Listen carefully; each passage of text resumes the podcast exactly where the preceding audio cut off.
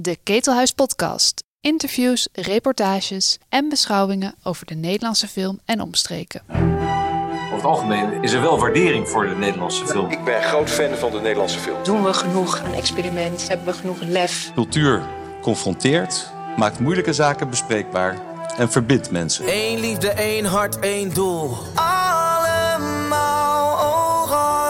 Maar nu eerst het fake nieuws journaal met Mark Visser. Dit is een extra NOS-journaal vanwege de ontwikkelingen in het conflict rondom Oekraïne. Groot nieuws dus rond het televisieprogramma The Voice of Holland. We staan heel dicht bij mijn huis. Ja, weet ik. Mijn kinderen staan hier binnen te trillen. Ja, ja, ja. ja? Ja? Ja, ja, ja, ja, heel goed. Ja, lekker trillen. Siewert van Liende wilde naar eigen zeggen gillend rijk worden met de mondkapjesdeal. Dan gaan we het nu uiteraard hebben over de onthulling van de Volkskrant dit weekend over grensoverschrijdend gedrag bij de Wereld Draait Door. Het culturele leven is in de coronaperiode hard geraakt. Heel veel van die bioscopen, filmtheaters hebben magere jaren achter de rug. Is er iets? Nee, dat kan ik helemaal niet hebben, want ik, ik, ik rook en drink niet. Nou ja, ik, ben gestopt met roken. Het Gouden Kalf voor beste film 2022 gaat naar... Knor. Het is een beetje de boer-burgerbeweging van de Nederlandse cinema. Het is een goede film, maar het is geen statement. Ja, we Het is net- geen statement als het gaat over diversiteit en inclusiviteit. Een film maken is zo ingrijpend, dat is twee, drie jaar van uw leven. Choqué par ce film, la Palme d'Or revient au metteur en scène de Triangle of Sadness. And the oh, Oscar goes to... Okay, Coda. But the talk of the night was when actor Will Smith punched comedian Chris Rock over a joke about Smith's wife's hair. Wow. I want to apologize to the Academy. In this business, you got to be able to have people disrespecting you. We delen niet alleen het verleden, maar ook de toekomst. Dus zetten we vandaag een komma. Geen punt.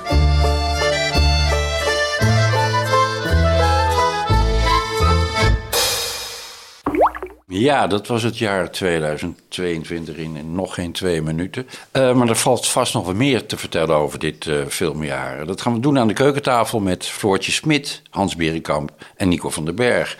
En mijn naam is trouwens Alex de Ronde. Hebben u het eh, filmfragmentje in de leader herkend? Van ik rook niet en ik drink niet, dus ik kan niks hebben. Soof 3? Sofia. Soof 3, ja. Dat is meteen de succesvolste Nederlandse film van 2022. Hebben we dat alvast gehad. Waar gaan we het nog meer over hebben? Nou, de belangrijkste nieuwsfeiten van het afgelopen jaar. Bezoekcijfers, transfers op de arbeidsmarkt. De beste films, de beroemde lijstjes natuurlijk. En over wie ons zoal dit jaar ontvielen. Hans, wat is voor jou het belangrijkste filmnieuws? Of staat het al in de leader? 2022 was wat film betreft het jaar van België. Zij hadden vier films in, in het hoofdprogramma van Cannes. Wij hebben Knor en Soof 3. En ze hadden ook nog eh, in de uitverkiezing van Sight and Sound van de beste film aller tijden. Jeanne Dielman. Jeanne, Jeanne Dielman. 23 Quai du Commerce 1080 Bruxelles. Van Chantal. Hè? Ja. Nou ja, dat, eh, de beste film aller tijden. Dat is op zich een hele curieuze uitverkiezing natuurlijk. Als je een film waarin drie uur lang niet zo heel veel gebeurt... behalve aardappelschillen en afwassen... beter vindt dan eh Potemkin, Vertigo, eh, De Man met de Camera... Of Citizen Kane, die Of 50, Citizen 50, Kane. 50 jaar bovenaan stond. Ja, maar dit is een beetje de tijd waarin we nu leven. Dat sommige dingen die we vroeger niet zo belangrijk of niet zo goed, niet zo bijzonder vonden, dat die nu wel heel erg goed worden gevonden. En eh, nou, het is toch ook wel opmerkelijk dat eh, de Belgische Chantal Akerman de beste film aller tijden heeft gemaakt. En daar kan ik meteen even op aanhaken, denk ik. Eh, nog interessanter, als aanvulling op wat je nu net zegt, is dat als je naar de bioscoop, uh, het bioscoopbezoek in België kijkt, dat dat soort, eh, wat we dan goede films noemen, bekroonde films, ook goed worden bezocht. En dan is het contrast met Nederland, en daar komen we straks nog wel op wat de best bezochte films in Nederland het afgelopen jaar zijn. Dan is het contrast met wat door critici wordt gewaardeerd en waar het publiek op afkomt wel heel groot. En het curieuze is juist dat in een land als België met relatief weinig uh, specifieke filmhuizen, zo'n infrastructuur die, we in Nederland hebben, dat dat soort films daar wel boven komen drijven en ook echt een publiek vinden. Dat vind ik wel echt het, meest curieuze, het meest interessante wat er zich in, in België uh, ja, op, op dit moment aan het ontrollen is. Ja, toch moet je ook wel toegeven dat het best wel tot op zekere hoogte een soort toeval kan zijn. Hè? Je hebt toevallig de drie meest veelbelovende Belgische makers... die allemaal ook door corona in hetzelfde jaar hun film af hebben. Ja, dat die alle drie dan in kamp terechtkomen. Dat, je kan ook zeggen dat dat een samenloop is van omstandigheden... en niet per se, ik bedoel, volgend jaar is het uh, misschien uh, Roemenië weer... Zeker, maar het curieuze is wel dat ze dus blijkbaar ook een groot publiek weten te vinden in België. Dat ze, dat ze dus echt uh, volle zalen trekken. Er waren zelfs een paar weken dat het, uh, het aandeel van, van deze uh, films uh, even uit mijn hoofdgebied van 40% lag. Uh, nou, als je bedenkt dat dat in, in, in, Nederland normaal gesproken vaak niet eens door SOF wordt gehaald, laat staan door wat kleinere, wat artistiekere films, dan is dat wel iets uh, wat we goed in de gaten moeten houden, denk ja. ik. Ja, het, heeft, het heeft absoluut iets te maken met filmbeleid. Als je nou gewoon bij wijze van poëzie eens achter elkaar de titels opnoemt van de best bezochte Nederlandse films van dit jaar. Je hebt daar, Alex, ergens het lijstje. SOF 3. Bombini Holland 3. Costa 2. De grote Sinterklaasfilm Gespuis in de speelgoedkluis. De allergrootste slijmfilm. De Club van Sinterklaas en de race tegen de klok. De Bellinga's. De Piraten van hiernaast. Marokkaanse bruiloft.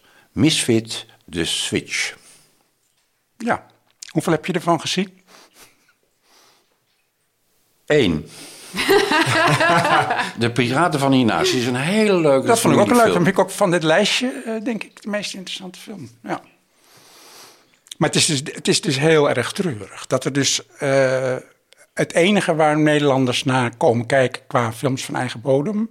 zijn formulefilms, sequels, trequels, Sinterklaasfilms... En dan is het middengebied tussen art en, en, en uh, ik zou maar zeggen, de crossover is eigenlijk alleen Knor. Die staat dan ergens tussen de 10 en de 20. Ja, die, staat op, die staat op 13. Op 13.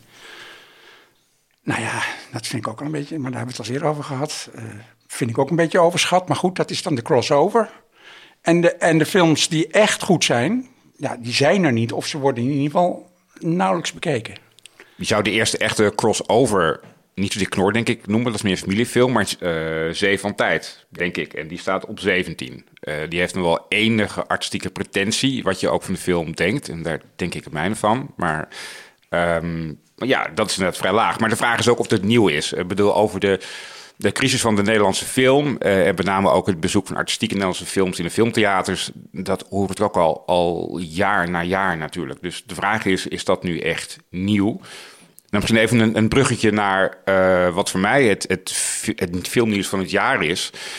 En dat is eigenlijk gewoon uh, no lessons learned. Uh, wat we natuurlijk na de coronatijd hebben gezien. Uh, we zijn bijna vergeten, maar in januari waren de bioscopen nog gewoon dicht. die gingen pas in de loop van januari ging alles weer zo'n beetje open tijdens corona allerlei plannen gemaakt. Ook hoe, hoe, hè, hoe gaan we de bioscoop beleven na corona. En wat je gewoon ziet is, er gaan gewoon weer evenveel films uit. Zo niet meer. Er zijn zelfs weer filmdistributeurs bijgekomen. Terwijl we daar toch al geen gebrek aan hadden dit jaar. Ja, en, en ook uh, het filmbezoek uh, lijkt zich weer te concentreren op, zeg maar, wat Nederlands betreft, op zeg maar, de grote publiekslievelingen. We hebben ze net ook al even gehoord ja, uh, hebben we wel lessen geleerd de afgelopen jaren als het gaat om de verandering die bij het publiek wel degelijk, denk ik, ja, voelbaar is in wat ze in hun vrije tijd willen gaan doen. En daar ben ik best wel wat pessimistisch over, moet ik zeggen. Vorig jaar had je déjà vu, nu lessons learned. Ben benieuwd wat je volgend jaar gaat zeggen, Nico. Ik, ik word zelf een grijze plaat, Alex. Daar moeten we ook wel voor uitkijken. Het wordt wel erger. Ik bedoel, dit lijstje van de bovenste tien heb ik in deze vorm nog nooit eerder meegemaakt. Dat er bij de eerste tien films uh, geen enkele serieuze titel staat. Zoals een bankier van het verzet bijvoorbeeld, zulke titels. Ja. Nou, dus ik heb nog wat cijfers voor jullie natuurlijk. Uh, SOF 3 uh, heeft een kleine 500.000 bezoekers uh, getrokken. Bombini Holland zo'n beetje 450.000. Costa met twee uitroeptekens uh, 280.000. En dan maken we een stapje via Knor, die tegen de 100.000 bezoekers aan zit. En dan gaan we langzaam, langzamerhand omlaag. Zee van Tijd, 46.000. Silence of the Tides tegen de 40.000. Stromboli, 32.000. Met Mes, 7.000. Auschwitz, 4500. En Mijke de Jongs, Along the Way, 4300. En wat ik denk dat wat het probleem is van heel veel van deze Nederlandse films is dat ze niet vrolijk zijn. En mensen hebben gewoon zin in iets vrolijks. Op een gegeven moment dacht ik echt dat we in elke Nederlandse film ging er wel iemand dood. Of het nou, of iemand zat in een sterfproces. Of daar ga je gewoon na corona niet voor uh, naar de bioscoop. Wat mensen willen is Triangle of Sadness. Is super lang. Alles is ook expres heel lang. Het is allemaal uitgesmeerd. Maar het is uh, ontzettend grappig. En wat je ziet aan deze ook, alle films die bovenaan staan, zijn allemaal films waar je wel een beetje om kan lachen. En wat een beetje escapistisch uh, geestig is. En ik denk dat daar het Nederlandse publiek naartoe komt. En dat die arthouse veel te somber is. Terwijl dat dus niet hoeft. Zie Triangle of Sadness. En wat je nu ook ziet, en dat zie je bijvoorbeeld aan Triangle of Sadness, maar ook aan uh, The White Lotus, is dat mensen momenteel heel erg bezig zijn met die klassenmaatschappij waar ze heel veel vragen over stellen, over het verschil tussen rijk en arm. En daar is volgens mij een bron van humor te vinden. Dus als je die kant op zou gaan, ook met, um, met arthouse films, denk ik dat je al veel makkelijker een, een groot publiek uh, aanspreekt. Ik denk echt dat het te somber is geweest. Een soort Nederlandse, films. Nederlandse Parasite. Ja, precies. Kijk, het begon inderdaad met Parasite, die, um, of misschien daarvoor al met, uh, met White Lotus. Maar het is, het is een absolute trend die je, die je ziet. Er wordt ontzettend gelachen om, om die rijke 1%. En dat komt omdat die tegenstellingen in de maatschappij momenteel alleen maar groter worden. Iedereen komt steeds meer tegenover elkaar te staan. Dus wat je in de bioscoop wil, is daar om lachen. Is daar gewoon een soort luchtig naar, naar kijken. En niet naar een individuele ervaring, denk ik, hè, dat, dat is mijn gevoel, maar niet naar een individuele ervaring over een kind dat sterft omdat hij van een boot afvalt, bijvoorbeeld. Maar zou het kunnen zijn dat dat niet zozeer de Nederlandse makers zijn, als wel het beleid van het Filmfonds? Om aan de ene kant te stimuleren dat er geld wordt verdiend met films waar niet al te hoge inhoudelijke eisen aan worden gesteld. En aan de andere kant geld wordt gegeven voor projecten die op de een of andere manier maatschappelijk relevant worden gevonden en daarmee misschien ook niet altijd even vrolijk zijn? Ik weet toch niet zo goed waar het aan ligt. Ik, wat ik misschien een klein beetje mis, is mensen die gewoon een soort urgentie hebben om ook iets nieuws te gaan doen. Iets vernieuwends, iets uh, grappigs. Daarom is Sam de Jong met Met Mes is een film die, uh, die heeft heel weinig bezoekers getrokken. Uh, is denk ik ook niet helemaal gelukt. Maar um, dat is wel iemand waarvan je denkt, yes, weet je wel, we gaan niet zien. We gaan niet zien wat, wat vernieuwend is. Um, en dat mis ik een beetje. Ja, 7000 bezoekers. Hè? Ja. Ik zeg even nog op de valreep Pietje Bel. Ja? Pietje Belgate. Ja. Zegt ook iets over de tijd waarin we leven. Nou, vooruit. Pietje Bel was een uh, film van uh, Maria Peters, geproduceerd door uh, haar man Dave Schram in 2002. Die een stuk beter was dan de Henk van der Linden avonturen van Pietje Bel, maar nog steeds behoorlijk karikaturaal over een, een qua uit Rotterdam van de jaren 20 die het alle, tegen allerlei autoriteiten opneemt. En die film was een groot succes in de bioscopen en ook op de streamingdiensten, waar die nog steeds, uh, en een televisie, in de familie Schram vindt het heel prettig om natuurlijk steeds daar nog weer de revenue binnen te krijgen. En plotseling deelde Kijkwijzer mee dat die film niet meer voor alle leeftijden was gekeurd, maar voor twaalf jaar. Waarmee eh, natuurlijk een enorme uh, inbreuk is op de inkomsten die je daarmee kunt genereren. Want het is een kinderfilm. En een kinderfilm die voor twaalf is gekeurd, die levert weinig meer op. En nou is de vraag, hoe kan dat? Waarom kan een film twintig jaar later ineens van alle leeftijden naar twaalf gaan? Er wordt beweerd dat dat is gebeurd naar aanleiding van klachten van vermoedelijk dan ouders van kinderen die uh, schrokken van het geweld in die film. Ik ben hem even gaan terugkijken om te kijken waar nou precies die geweldscène zat. Er wordt beweerd dat het te maken heeft met een klap die Pietje Bel van zijn vader krijgt.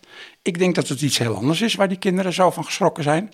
Namelijk, er zit een personage in dat heet uh, Jozef Geelman, de zoon van de drogist gespeeld door Stijn Westereind. En dat is een hele nare man, die ook meester is op de school van Pietje. En die dan wat we kennen uit ook vroeger kinderboeken en kinderverhalen. Dan wordt een jongen, qua jongen wordt aan zijn oor uh, vooruitgetrokken. En dan wordt hij in de hoek gezet en dan wordt hij heel erg uh, bestraffend toegesproken. En in deze film zitten er drie van die scènes waarin Pietje Bel aan zijn oor wordt getrokken. En in de laatste scène dan heeft hij, Jozef heeft hij een vlieg op het voorhoofd van Jozef met een liniaal geslagen. En dan pakt Jozef die liniaal af en schuimbekkend slaat hij met die liniaal op de hand van Pietje Bel. Nou, jaren twintig, kindermishandeling op school, lijfstraffen. Daar hebben we heel veel films over gezien, heel veel boeken over gelezen. Maar een kind dat nu is opgegroeid in de gedachte dat iedereen aardig voor hem is en iedereen hem vertelt dat hij fantastisch is. En dat hij zich vooral zoveel mogelijk moet ontplooien. Als die dan ineens op school ziet een kind dat door een meester geslagen wordt, schuimbekkend, die kan daar niet van slapen. Een angstcultuur. Een angstcultuur. En dan wordt zo'n film dus twintig jaar na dato alsnog voor twaalf jaar en ouder gekeurd. Ik begrijp het wel, want die ontwikkeling maken we nu mee. Dat kinderen nergens meer, uh, mogen nergens meer aan worden blootgesteld. Er is een steeds meer beschermende cultuur rond kinderen. Maar ja, het is belachelijk dat je dan oudere films niet meer zou kunnen vertonen. Nou ja, dat is natuurlijk wel. Het is een beetje. Um, een beetje onzin natuurlijk. Want uh, lijfstraffen is inderdaad iets wat je niet graag meer wil laten zien. Ik zou zeggen dat is inderdaad misschien niet geschikt voor jonge kinderen. En dat heeft er niks mee te maken dat die kinderen niet, niet meer dat aankunnen. Maar dat is gewoon dat dat helemaal niet meer normaal is. Dus voor die kinderen is dat een dusdanige wenteling van het wereldbeeld. dat je dat best mag zeggen. En je laat ook zien met zo'n film wat normaal is. Dus als je het bijvoorbeeld hebt over, want deze discussie speelt natuurlijk enorm bij Disney-films ook, hè, van wat, wat laat je zien, welke beelden verspreid je en zeg je dat dat, uh, waarmee je een soort uh, normaalheid neerlegt voor kinderen. Er zijn gewoon dingen die, die wij liever niet meer voor deze kinderen als normaal zien. Nog los daarvan, ik bedoel, ja, kijk, die, die dus als mensen met klachten komen, dat is inderdaad zoals de kijkwijzer werkt Mensen komen met klachten en, en dan wordt die, die keuring aangepast. Maar ik vind dat je als filmmaker mag je ook best zeggen van ja, ik heb dat toen gemaakt en voor nu vind ik het niet meer oké, bijvoorbeeld. Kijk maar Dave gaat er precies... Kijk ook naar wat Bernie Bos heeft gedaan. Uh, paard van Sinterklaas. Exact dezelfde discussie inderdaad. En het, het, vreemde is daarbij dat... Uh, wat doe je als de filmmaker iets anders wil? In principe wat we dan maar even de, de, de schepper van de film uh, noemen. Ja. Dat is heel lastig natuurlijk. En bovendien is een keuring van 12 jaar... maar corrigeer me als het niet klopt. Volgens mij is de enige keuring die echt meetelt... is die van 16. dus ik kan nog steeds die dvd'tjes kopen... en staat er alleen een 12 op. Nee, maar Netflix vertoont geen film meer in het kids-gedeelte als hij niet voor alle leeftijden is gekeurd. Geldt dat ook voor de publieke omroep? En de publieke omroep geldt hetzelfde worden. De film zou op oudejaarsochtend worden uitgezonden. En de NPO beraadt zich nu of ze dat nog wel gaan doen. Ja, juridisch is, is het alleen advies. Is volgens mij mm. alleen uh, de grens van 16 in, in het wetboek van strafrecht ja. verankerd. Maar de publieke omroep en Netflix houden zich dus wel aan uh, deze. Maar jij vindt het dus een terechte herkeuring, Floortje? Ik weet het niet. Ik heb de scènes niet gezien. Maar ik ben wat, ik ben, waar ik eigenlijk vooral op aansla, is dat het weer zo snel getrokken wordt in kinderen van tegenwoordig kunnen niks meer aan. Die kinderen van tegenwoordig zien de meest afschuwelijke dingen. Daar gaat het niet om. Het gaat erom wat wij ze willen meegeven. En dat is met film. En um, ze vallen sowieso niet uh, nee, te beschermen. Dat is niet, dat is niet het betoog van de uh, kijkwijzer. De kijkwijzer gaat alleen maar over bescherming en onverhoedse confrontatie met dingen waar kinderen schade van kunnen ondervinden. Of je het daar ideologisch mee eens bent of niet, of dat je dat is wat je kinderen mee wilt geven, dat speelt voor de kijkwijzer geen enkele rol. Heb ik altijd begrepen hoor, dat het zo werkt. Maar ik denk niet dat de schade is omdat ze nu soft zijn en dat ze het niet meer aankunnen. Dat is niet de reden dat dat schade oplevert. Ik vind trouwens dat een heel fijne en prettige ontwikkeling dat kinderen uh, schrikken van uh, lichamelijk geweld in een klas. Maar hoe moet dat dan met al die films die we nu over een aantal jaren over de slavernij gaan maken? Dat kan dan voor kinderen, kan dat dan ook alleen maar een hele afgezwakte uh, versie zijn die je laat zien. En wat doe je met al die films over Anne Frank? Ga je dan, ja, maar ja, daar is daarna wel iets heel ergs gebeurd wat met Anne Frank. Maar daar gaan we het verder niet over hebben. Nou ja, en, je zegt natuurlijk ook, kinderen die, die schrikken gelukkig als ze iets zien. Maar op het moment dat ze iets niet meer zien, dan, dan, dan is die schrikreactie er, er ook niet meer. En volgens mij heeft dat ook heel erg te maken met tijdgeest waarbij alles moet worden. Alles dat is overdreven, maar uh, dat ligt vooral bij, bij een bepaalde uh, groep ouders die bepaalde confrontaties niet meer uh, aan willen. Kijk naar wat er in de VS op in extremere mate gebeurt met conservatieve ouders die aan zelfonderwijs doen of die geen uitingen willen hebben van, van, van LGBT uh, mensen, waar dan ook. Uh, ik denk dat dat, dat, dat vooral daarmee uh, te maken heeft. En ja, zoals vaak dingen die over kinderen gaan, uh, wordt het door ouders bepaald en een richting opgestuurd. Of door een groepje ouders. In dit geval misschien maar een paar klachten. En niet zozeer wat, wat kinderen willen. Ik denk met terugwerkende kracht zou ook de Straatmaker op Zeeshow uh, niet eens meer kunnen. Terwijl we dat nu nog steeds, denk ik terecht, prijzen als baanbrekende uh, televisie. Maar de kijkwijzer is alleen maar een soort handleiding voor ouders om te kijken van dit is geschikt voor die en die kinderen en voor die en die leeftijd. Dus um, ik ben helemaal niet voor scènes eruit knippen, daar ben ik echt valikant op tegen. De, een waarschuwing vooraf kan ik me best voorstellen.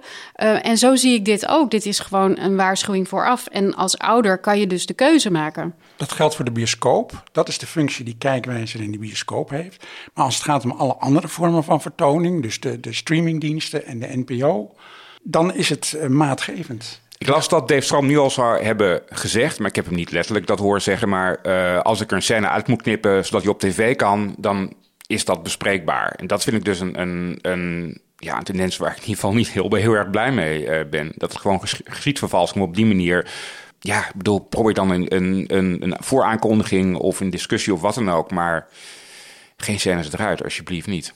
Nee, en het gaat om scènes, hè, staat in het uh, rapport van de kijkwijzer. Dus ik denk echt dat het niet die klap van de vader is, maar die drie scènes met, uh, met Jozef.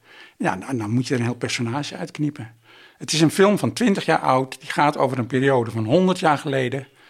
En ik vind het een ongelukkige ontwikkeling als we nu op basis van wenselijkheid om kinderen daar uh, mee te confronteren, gaan besluiten om dat eruit te halen. Ik wacht nog op de Siske de Rat discussie, uh, Danny de Munke vehikel. Voor mij zat daar ook behoorlijk wat lijfelijk geweld Zeker. in. Moedermoord, daar zijn we ook niet voor.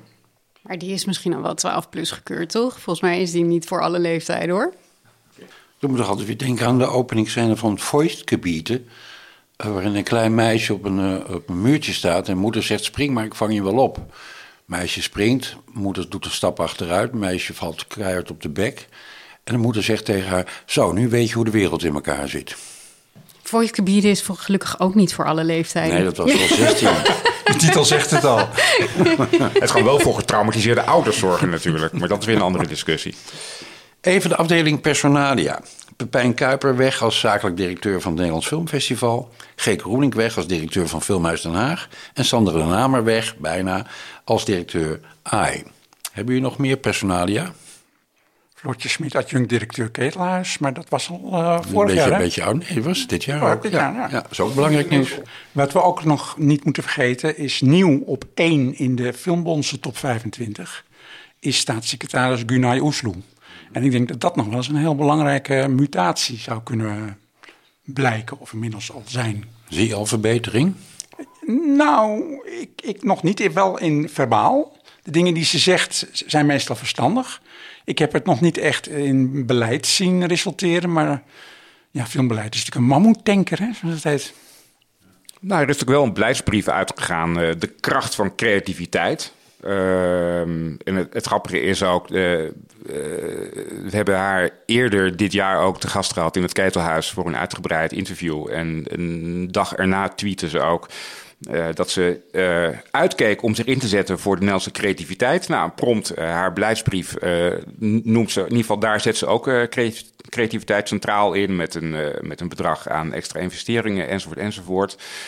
Het is in ieder geval een andere tone of voice. En uh, misschien zijn we na zoveel jaar zo afgestompt dat we alleen daarom al, spreek even voor mezelf, al heel blij ben. En dan is het voor ons even afrekenen op de daden.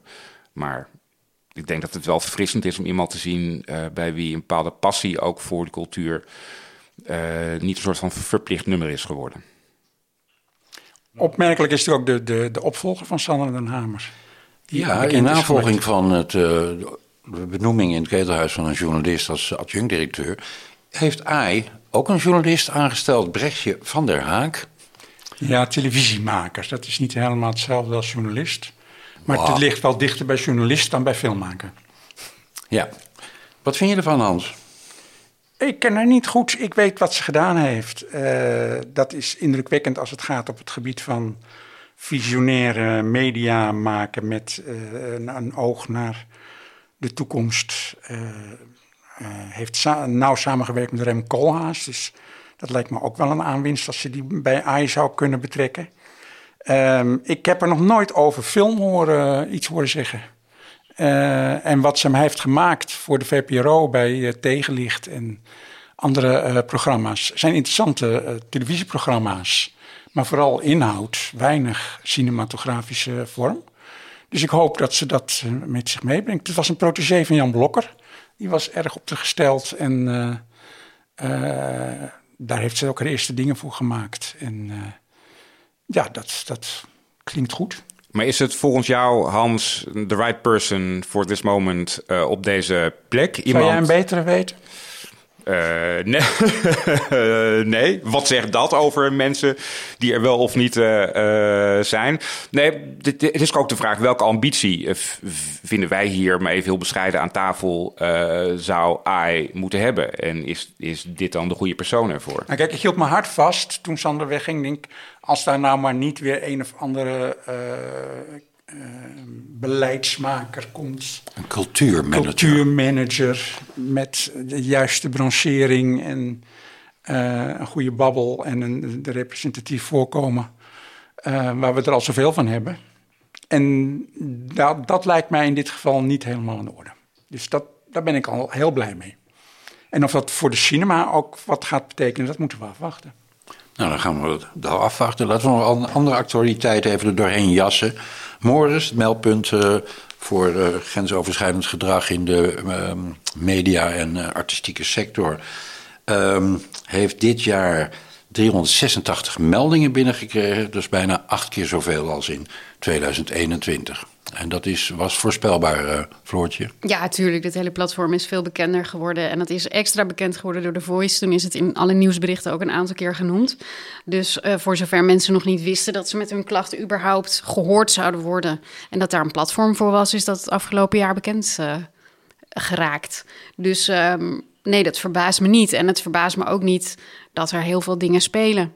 Uh, of hebben gespeeld. Of uh, dingen waar ik verder niet zoveel van af weet. Hè? Want ik sta niet op die filmsets. Maar ik heb, um, ik heb Coco Schreiber heb ik geïnterviewd afgelopen jaar.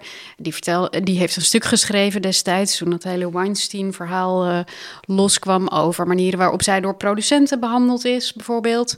Um, die heeft toen behoorlijk van zich afgebeten. Maar dan denk ik, ja, zij kan niet de enige zijn. Er zijn ongetwijfeld mensen die niet de ballen hadden om zo iemand op een, uh, op een rap party uh, in zijn gezicht te slaan. op het moment dat hij ze betast. Um, en dat is ook vast niet de eerste keer gebeurd bij haar. Oké, okay, nou, dit was het grensoverschrijdend gedrag. Nu nog even snel diversiteit en inclusie.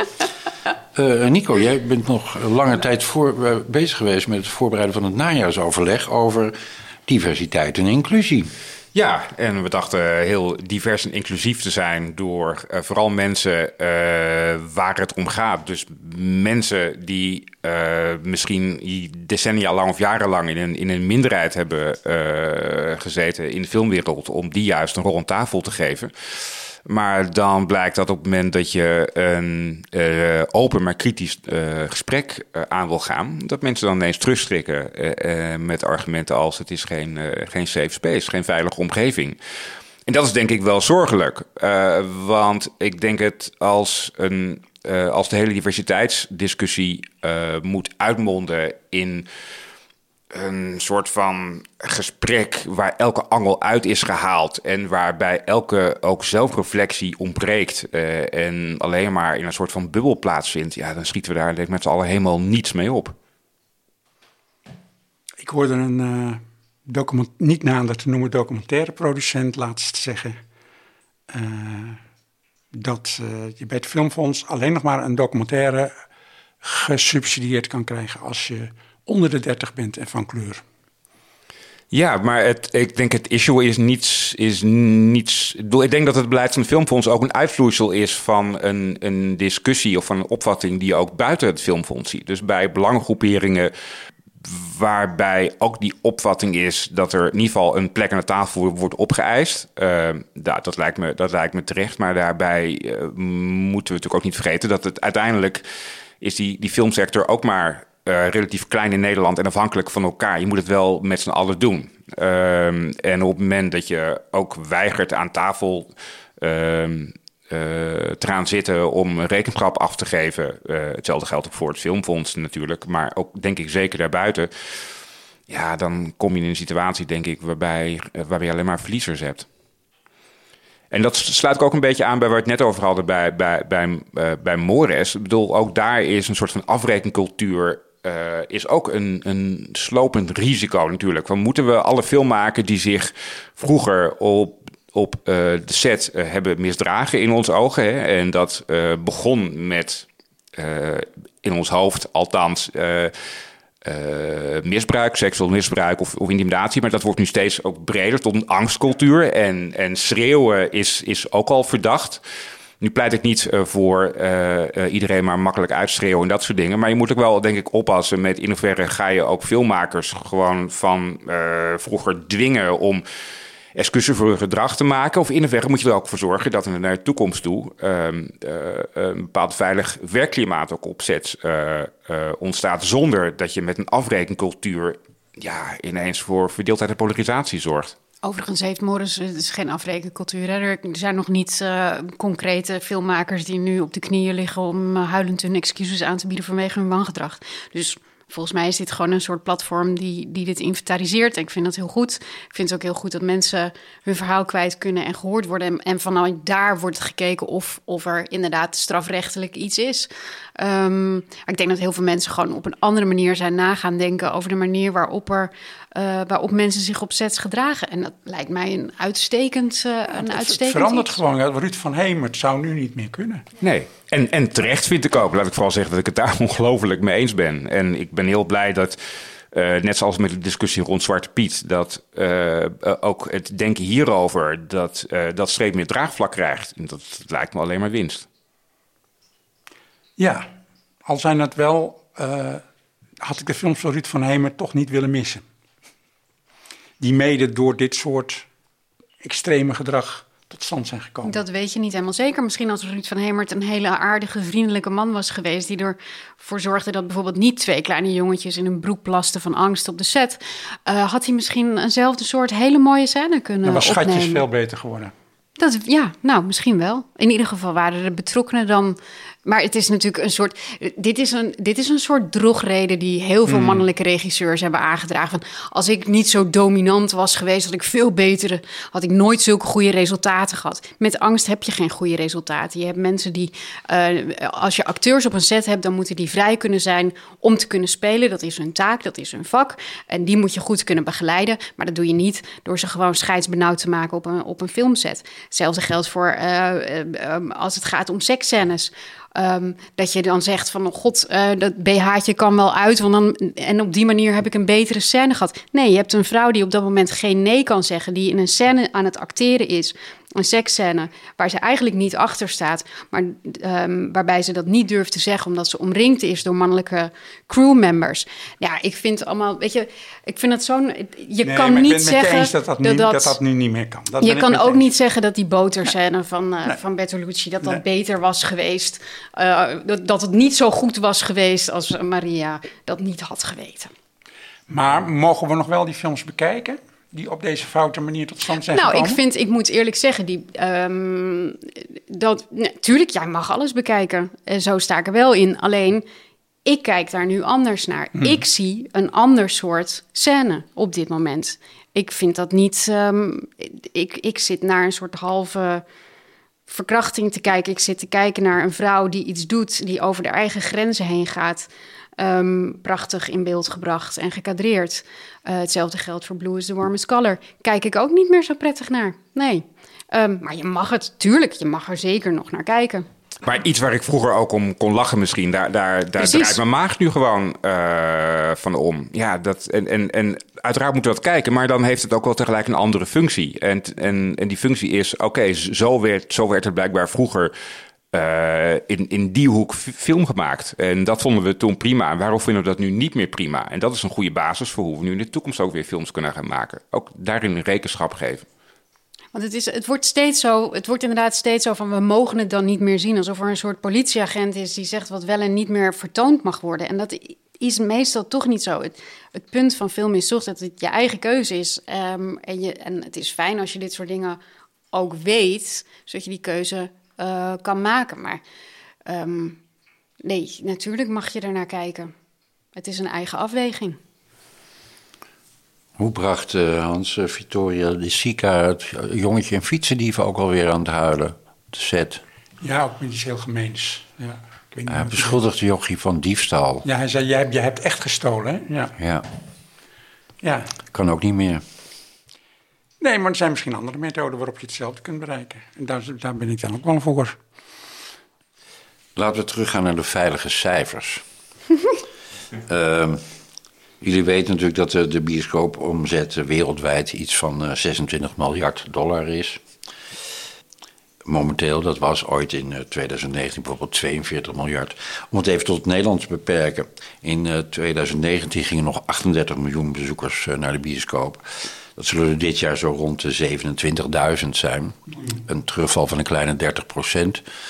Ehm, en de ABN AMRO, wie kent de bank niet, eh, voorspelt een, een, stijging van slechts enkele eh, procenten ten opzichte van eh, in, volgend jaar ten opzichte van dit lopende jaar.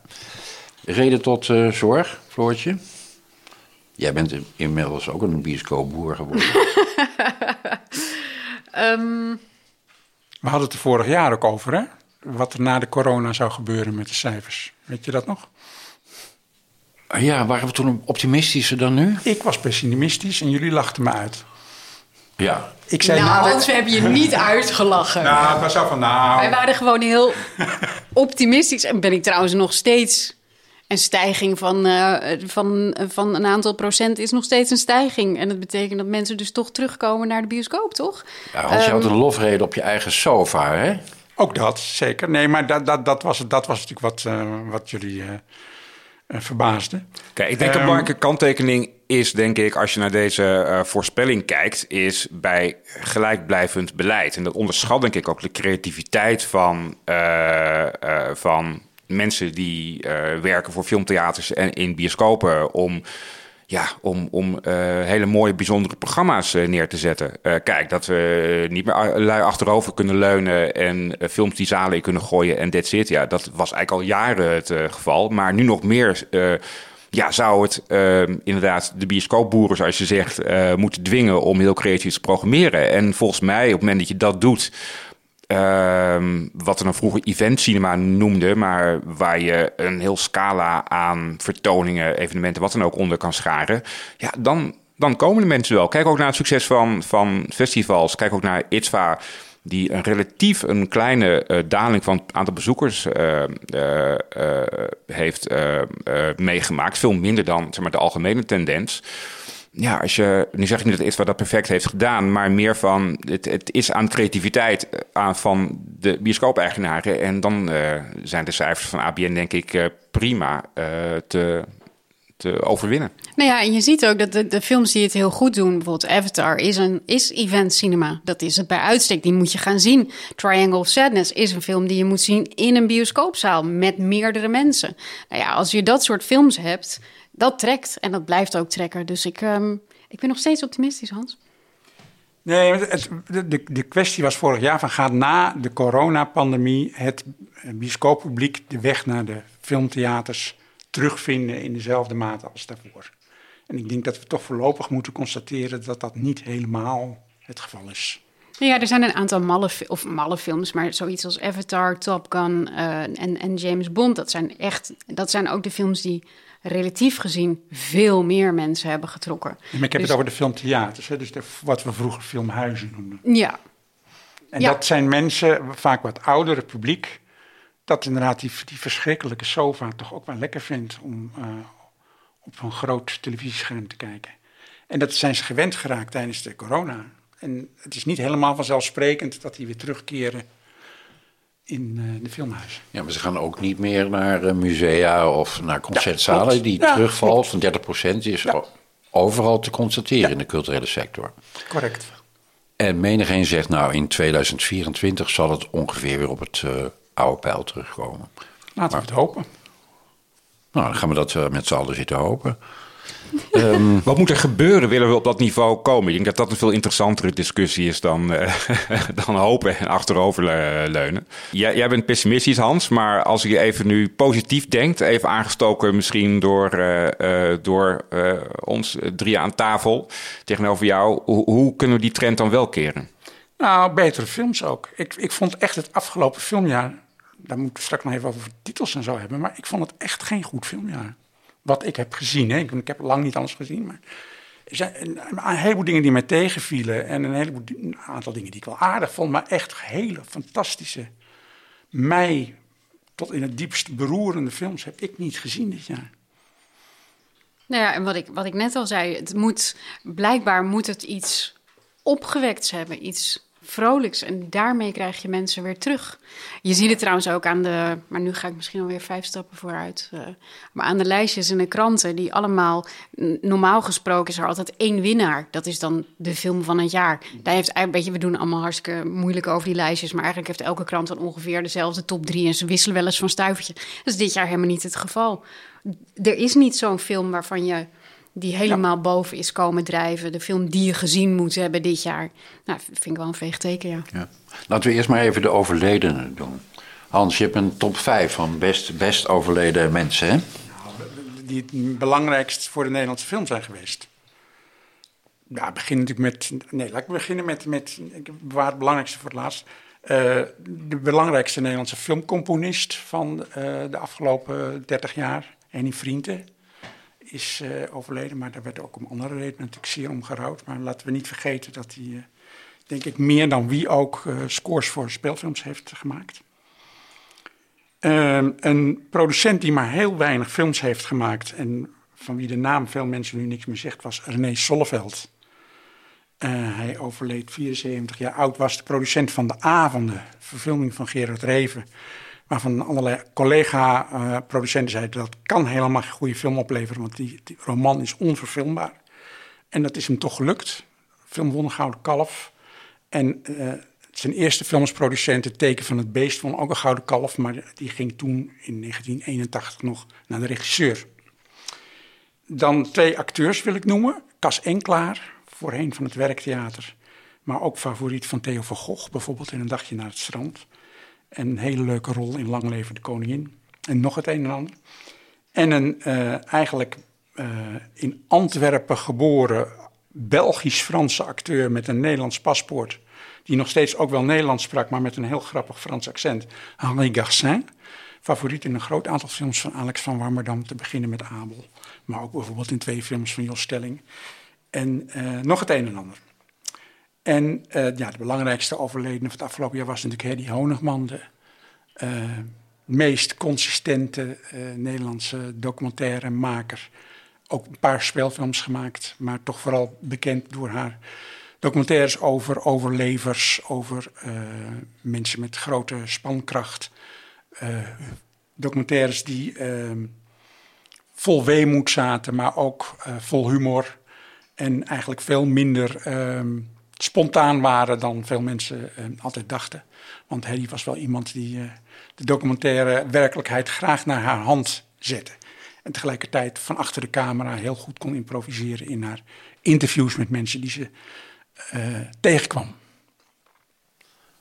Ja, zelf had ze een hekel aan de term interview. Hè. Ze zeggen interview Gesprek. met ze niet. Ja, ik ga met ze in gesprek. De lijstjes. Um, er is nogal wat kritiek geweest op uh, die Sight and Sound uh, uh, traditie. Daar had jij nog bedenkingen bij, Floortje? Bij die kritiek dan, niet bij het lijstje. Ja, ja nee, het is, ik, vond het, ik vond het heel grappig. Ik vind lijstjes, vind ik het, is het domein sorry, ik, ik, ga het gewoon zeggen. Is het domein van mannen, lijstjes? Die vinden dat allemaal heel... Nerds. Nerdige mannen, die vinden dat heel belangrijk om dan een volgorde te hebben. Wat ze feitelijk willen met het lijstje is dat ze zelf gelijk krijgen. Um, of dat iedereen vindt wat zij vinden. Dus ze willen vooral hun eigen mening weer spiegeld zien in het lijstje. Dus ik moest erg lachen om... Uh, Sjanne Dielman, wat echt um, de kritiek daarop was van iedereen heeft dan politiek correct gestemd. Ik denk dat heel veel mensen in de afgelopen tien jaar kennis hebben gemaakt met Sjanne Dielman. Onder andere omdat er heel veel aandacht is geweest voor vrouwelijke filmmakers. Waarbij Chantal Akerman heel vaak werd genoemd als uh, een van de grootste, de bekendste. Het is een film. En dat blijft zo. Dat als je hem nu ziet, is hij verpletterend. Als je hem nog niet gezien hebt. Um, dus ik vind het ook een hele eh, ja, een hele geschikte, een hele goede, goede winnaar. Eh, maar ik vind het gewoon heel grappig dat mensen daar dan meteen van in de vlekken schieten en dan de woke card trekken en eh, roepen dat dat allemaal doorgestoken kaart is. Kijk, feitelijk zijn elk lijstje wat je maakt is politiek. Want het, het, is, het weerspiegelt degene die de lijsten maken. En het weerspiegelt degene die de kansen hebben gekregen om die films te maken en om boven te komen drijven. Dus ja, dit is een politieke keuze. Omdat zij het afgelopen, de afgelopen tien jaar boven is komen drijven. Zoals eigenlijk al die andere lijstjes ook politieke keuzes waren. Het is denk ik ook winst als je kijkt dat er dit jaar 1600 uh, filmcritici of andere betrokkenen ook uh, hebben meegewerkt aan die poll. En dat dan zo'n uitgesproken film uh, als nummer 1 eindigt. Dat vind ik eigenlijk ongelooflijk positief. En dan kan je zeggen, ja, het is inderdaad, het is een titel die vaker in lijstjes voorkomt, uh, bla bla. Maar ja, ik, ik vind het echt pure winst dat wat we toch wel echt pure cinema kunnen noemen, en tijdloze cinema, dat dat bovenaan een lijst die afkomstig is van een soort van grootste gemene deler bovenaan komt drijven. Ik, ik was er toch wel heel erg blij mee. Ja, het grappige is natuurlijk dat je, dat je als je het over dit soort lijstjes hebt, dan wordt heel vaak het woord kanon gebruikt. Van dit is het kanon, dit zijn de belangrijkste filmmakers, dit zijn de belangrijkste films. We maken een kanon. En, um, maar een kanon bestaat natuurlijk helemaal niet. Een kanon bestaat bij gratie van wie, uh, wie kiest en, en wie gekozen kan worden. Ik vond het nog steeds, ik, de, de documentaire White Balls on Walls, uh, die we hebben gezien tijdens ITVA, vind ik daar een heel erg interessant voorbeeld van. Het laat gewoon heel erg zien dat een, een kanon staat nooit vast. Een kanon is altijd in beweging. En, um, en soms kan je het er absoluut niet mee eens zijn. En ik vind, het, ik vind het wel heel grappig dat je ziet dat er aan alle kanons gerommeld wordt. En ik vind het ook heel grappig dat dat dus een zekere weerstand oproept. Bij sommigen. Dat hoort denk ik ook de rol van een kanon, of hoe je dat dan ook wil noemen, ja. uh, te zijn. Uh, op, op het moment dat je geen discussie hebt, dan weet je zeker dat je een waardeloze lijst hebt. Ja, precies. We gaan naar uh, 2022. Volkskrant, in ieder geval de filmmedewerkers vonden het Noorse drama The Worst Person, tragicomedie moet ik zeggen, The Worst Person in the World, de beste film van het jaar. Uh, Parool hield het op uh, L'Evenement, dat Franse abortusdrama. En zowel NRC Handelsblad als de kring van Nederlandse filmjournalisten vonden Everything Everywhere All at Once de beste film van het jaar. Ja, dat is opmerkelijk. Want? Ik heb hem gezien en um, ik heb hem drie sterren gegeven van vijf, omdat ik het een hele interessante film vond. Maar Geef je nog steeds sterren? Ja, op uh, Letterboxd. Oké. Okay. Letterboxd is heel handig. Kan ik ook uh, zien wat andere mensen gezien hebben, wat die ervan vinden. Maar het is een totaal chaotische film. Het is een soort kruising tussen een kung fu comedy en, een, en de Matrix. En dan met allerlei emancipatoren elementen uh, die er ook in zitten. Maar het is... Kijk, Godard, ook dit jaar overleden... Heeft, uh, had de beroemde uitspraak... een film heeft een begin, een midden en een eind... maar niet noodzakelijkerwijs in die volgorde. Nou, daar kan ik mij nog steeds heel goed in vinden. Maar uh, dat is wel een structuur. Ook als het begin, het midden en het einde niet in dezelfde volgorde staan. Maar deze film is in de montage, in de stijlmiddelen... Uh, verandert elke drie minuten totaal van stijl. Is, uh, ja, uh, gaat alle kanten, vliegt het op. En ik vind het interessant dat filmcritici dat nu de beste film van het jaar vinden. Ik ben zelf dan waarschijnlijk een oude man die dat niet meer helemaal trekt. Ik denk van, god, er had er wel wat meer structuur in gemogen. Maar misschien is dat een heel ouderwets standpunt dat een film gestructureerd moet zijn.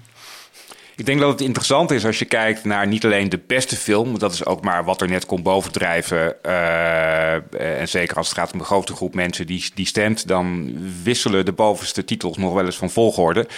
Ik denk vooral als je kijkt naar de, de top 5 van die lijst of de top 3, dat het interessant is dat het echt een diversiteit aan stijlen is die je, die je, daar, uh, die je daar terugziet. Um, en dat vind ik wel interessant. En daarom uh, zei jij ook net, Hans, nou, het was niet het, het, allerbeste filmjaar. Volgens mij zie je juist dat, dat niet overal één titel naar voren springt. Vind ik juist iets wat dat aangeeft dat het eigenlijk een heel goed filmjaar was. En dat hoor ik ook wel als ik zo her en der ook wat reacties ehm, eh, ook bij het verzamelen van de gegevens voor die KNF-lijsten eh, hoor. Over het, alge- over het- algemeen hebben mensen ehm, het als een heel goed filmjaar eh, ervaren. Eh, en zie je echt dat mensen moeite hebben om, om een top 3 of een top 5 eh, samen te stellen. Want er meer titels eh, zeg maar, op, op, ja, strijden op, op die bovenste plekken. Eh, en dat is ook wel, wel mijn ervaring, moet ik zeggen. Ik weet niet hoe de rest daar tegenaan kijkt. Voordat we straks echt op, eh, op de titels eh, van de lijstjes eh, gaan komen. Nou, ik snap denk ik wel de keuze. Ik heb, ik heb de film niet gezien. Everything, Everywhere, All at Once. Ik snap wel de keuze dat je juist kiest voor iets wat alle wetten breekt. Het is heerlijk. Het is zo fijn als er iets gebeurt in een cinema waarvan je denkt: dit heb ik gewoon nog niet eerder gezien. Ik denk dat cinema daar ook bij uitstek voor bedoeld is. Dus ik snap wel dat je dan een film waarvan zij misschien ook wel zeggen van het is niet, eh, het is niet perfect. Maar het is wel eentje die, die boven allemaal uitsteekt. Dus ik, ik, snap, ik snap die keuze wel. Nou, kijk, ik, ik ben natuurlijk van de generatie die heel erg is opgegroeid met de auteurstheorie. Dus ik kijk altijd vooral naar wie heeft het geregisseerd. Mhm. En dan denk ik, nou, ik heb een Paul Thomas Anderson gezien dit jaar, die ik wel aardig vond, maar lang niet kan tippen aan het beste werk van Paul Thomas Anderson. Zeker niet qua stijl. Ik heb een zeer tegenvallende Alejandro González Iñárritu gezien, Bardo. Gaat ook alle kanten op.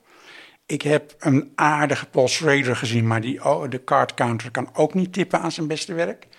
Dus ik zie en mijn auteurs eigenlijk allemaal een beetje ja, tegenvallen. En dan zijn er natuurlijk wel weer nieuwe mensen die erbij komen en die dan ook heel interessante dingen maken. Maar voor mij is het heel erg zoeken naar wat nu, ja, wat, wat stijl is die je, die je beoogt met films. En ja, Ruben Östlund is niet mijn, mijn, mijn man. Ik, ik vind dat vaak ontzettend flauw. Ja, ik vind het heel leuk, maar je houdt dus ontzettend vast aan die auteurs. Dan kijk Ja, je dus niet ja. los naar, naar ik de kijk films. altijd van wie heeft het gemaakt en, en kan niet beter of is die op zijn best. Ja, maar zo, en wat doe je dan met nieuwe? Wat doe je dan met Nou ja, die, kunnen, die kunnen zich binnenvechten. Maar ik vind Ruben Östlund wel echt een voorbeeld van, van waanzinnige auteurscinema. En als je ook kijkt naar de films die hij heeft gemaakt... dan kan je toch wel echt van een heel oorspronkelijk oeuvre spreken. Ja, maar ik vind zijn humor niet leuk. Ik vind het veel te vet. Ja. Ik hoor ook echt, als ik discussies om me heen heb... en die heb ik de laatste weken al met mensen gehad... ik hoor bijna alleen maar mensen die of idolaat zijn... of het echt helemaal niks vinden. Eh, nou ja, volgens mij toch een, Maar dat- een- dat iets kan. wat je wel... dan heb je wel wat goeds gedaan, denk ik. Wat is jouw beste niet-Nederlandse film van het jaar, Nico? Ehm, nou ja, daar hebben we het net een paar seconden geleden over gehad. eh, eh, Trial Sadness. Ja, dat is echt cinema in die pure vorm. Ehm, mijn nummer twee is trouwens Close. eh, waarbij ik echt vijf keer gewoon in, in tranen ben uitgebarsten in de bioscoop. Ook dat is een waanzinnige ervaring en zo verrassend. Maar Trial Sadness is niet alleen maar verpletterende cinema in, in beelden... maar ook een soort van rollercoaster waarbij... eh, absurde humor wordt gecombineerd met maatschappijkritiek, maar ook niet heel erg into your face. Altijd de relativering die eh, Ruben Oostlund erin aanbrengt. Waanzinnig acteerwerk. Eh, je ziet dat die heel nauw op de huid ook van die acteurs zit en van de scène zit. Om, ehm, ja, om daar gewoon ervaring van te maken. Waarbij die 2,5 uur dat je in de bioscoop zit voorbij vliegt. Eh, echt een film die, eh, ja, die heel terecht, denk ik, eh, de grote prijs heeft gewonnen. Ehm, en voor mij wel echt de film van het jaar is. Ik sluit me daar graag bij aan. Floortje, wat is jouw favoriet? Ehm, nou ja, ik doe dus niet meer aan lijstjes, want ik ben dus geen nerd. eh, en ik hoef het niet meer te doen, want ik schrijf, ik lever hem niet in eh, voor de krant. Ik vond Levende Man vond ik prachtig. En ik vond ehm, The Worst Person in the World vond ik ook prachtig. En Triangle of Sadness is toevallig de film die nu het verst in ieders geheugen ligt. En dat alles daarin te lang duurt, vind ik heel grappig.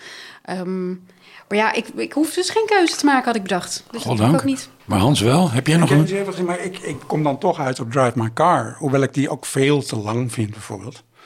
Die film had echt een uur korter gekund. Eh, maar dat vind ik een, een heel aardige film. Gaan we, gaan we naar Nederland. Ehm, Volkskrant, eh, in het lijst van de Volkskrant stond, was de hoogst genoteerde Nederlandse film Narcosis op 13. NRC eh, had Knor op 12. Parool had Three Minutes, A Lengthening van Bianca Stichter op 8. En de kring van Nederlandse filmjournalisten had als meest eh, gewaardeerde films Knor en Narcosis, hè Nico? Klopt. Ja, hoog knor- en narcosesgehalte. Ja. En mijn beste film is nog totaal niet genoemd. Mijn beste Nederlandse film, eh, moet ik zeggen. En ook mijn runner-up trouwens niet. Om maar even zeggen, mijn runner-up is een film die al langer geleden eh, lijkt. Ehm, omdat hij in een oude ITVA-editie draait. The Silence of the Tides. Wat ik wat documentaire betreft echt cinema op zijn, op zijn best uh, vind. Ik, ik zag hem voor het eerst op een klein scherm. En toen maakte hij al een verpletterende indruk. En daarna nog een keer echt op het grote doek. Uh, ja, dat is gewoon een, een intense ervaring. Zo, ja, die ik eigenlijk zelden ook met documentaires heb. En op één ja, by far de, de, de, de, de, de, de Nederlandse film die het meeste druk op mij heeft gemaakt is uh, El Hoep. Um, een film die eindelijk ook een verhaal vertelt wat we eigenlijk zelden in de Nederlandse cinema verteld zien, maar ook op een hele goede, indringende manier. Een, een, een, een man die door in de kast te gaan zitten uh, zijn ouders wil dwingen om zijn uit de kast komen te accepteren. Um, een prachtige metafoor en klinkt misschien wat plat, maar is het absoluut niet. Het is waanzinnig goed uitgewerkt.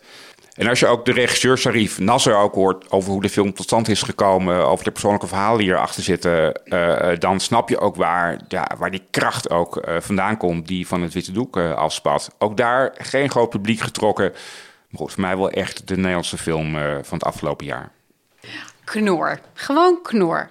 Lekker handwerk, goed gedaan. Ik ben, ben nog steeds dol op knor. Sorry Hans. Ik had een top drie met uh, twee documentaires en één animatiefilm. En de animatiefilm was niet Knor, maar Coppelia.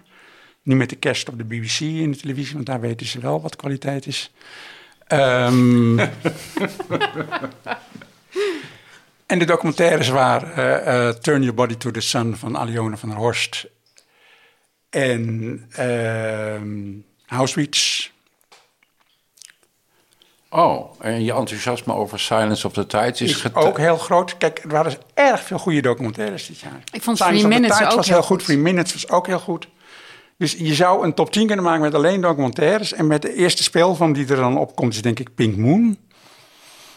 Um, maar het was vooral een heel goed jaar voor documentaires. Nou, kun je dan na af, als afsluiting, Hans, nog uh, die anekdote vertellen over dat manifest uh, van destijds critici, geloof ik. Die vonden dat Nederland op moest houden met het maken van speelfilms. Hoe zat het ook alweer? Ja, dat is een heel bekend verhaal. Dat kent, iedereen toch wel? Nou, vertel toch nog maar een keertje. Nou, er, er was. Uh, er werd in de jaren 50 werd er in Nederland eens per jaar, of soms eens in de twee jaar, werd er een speelfilm gemaakt. Meestal door een Duitse regisseur. En dat was dan altijd weer net niks. En dan uh, de laatste flop was in uh, 57 Kleren maken de man. Uh, geregisseerd door Georg Jacobi. En toen waren alle re recensenten in alle dagbladen waren zo unaniem negatief. dat onder leiding van H. Wielek van Trouw werd er een manifest opgesteld dat we in Nederland op moesten houden met het maken van speelfilms. Dat konden we toch niet, want we hadden daar de fantasie en de speelsheid niet voor. Maar documentaires waren we heel goed in, dus al het geld moest voortaan naar documentaires gaan. En uh, de toen zeer toonaangevende criticus van het Algemeen Handelsblad, Jan Blokker, uh, stond ook op die lijst, maar die trok op het laatste moment zijn handtekening in. Want die bleek al het scenario te hebben geschreven voor Van Varen van Bert Haanstra, wat volgend het jaar daarop een enorme hit was. En eigenlijk het begin van de moderne Nederlandse speelfilmproductie. Maar het is natuurlijk eigenlijk gewoon natuurlijk een kul argument. Alsof je voor documentaire uh, maken geen creativiteit nodig zou hebben. Dat is eigenlijk een belediging voor documentairemakers, zo'n manifest. Nou, creativiteit, fantasie is denk ik het uh, Nou ja, verhaal. ook dat. Voor mij uh, zijn we in Nederland niet bekend om bijvoorbeeld doorsnee fantasieloze documentaires. Maar het nee. zijn het juist documentaires die met fantasie en creativiteit zijn gemaakt. Dus... Natuurlijk, in de kracht is het een heel raar manifest ook, Ik zou het ook nooit ondertekend hebben, zo'n manifest. Want het is onzin, want natuurlijk kunnen we in Nederland speelfilms maken. Maar je moet wel een, uh, een systeem hebben en een filmfonds. Het productiefonds is ook net begonnen in 1956. Dat uh, durft om uh, projecten aan te nemen die ook een wat breder publiek bereiken, maar toch ook uh, artistieke kwaliteit hebben. En die niet alleen maar ofwel commercieel succesvol kunnen worden, of alleen maar politiek uh, uh, relevant zijn. En, en dat, zo'n filmfonds hebben we op het moment niet. Tot zover deze Ketelhuis podcast. Je vindt de Ketelhuis podcast in je favoriete podcast app en natuurlijk op onze website ketelhuis.nl slash podcast. Abonneer je vooral zodat je geen enkele aflevering mist en leuk als je een reactie achterlaat. Hou ons in de gaten, we zijn snel weer terug met een nieuwe podcast.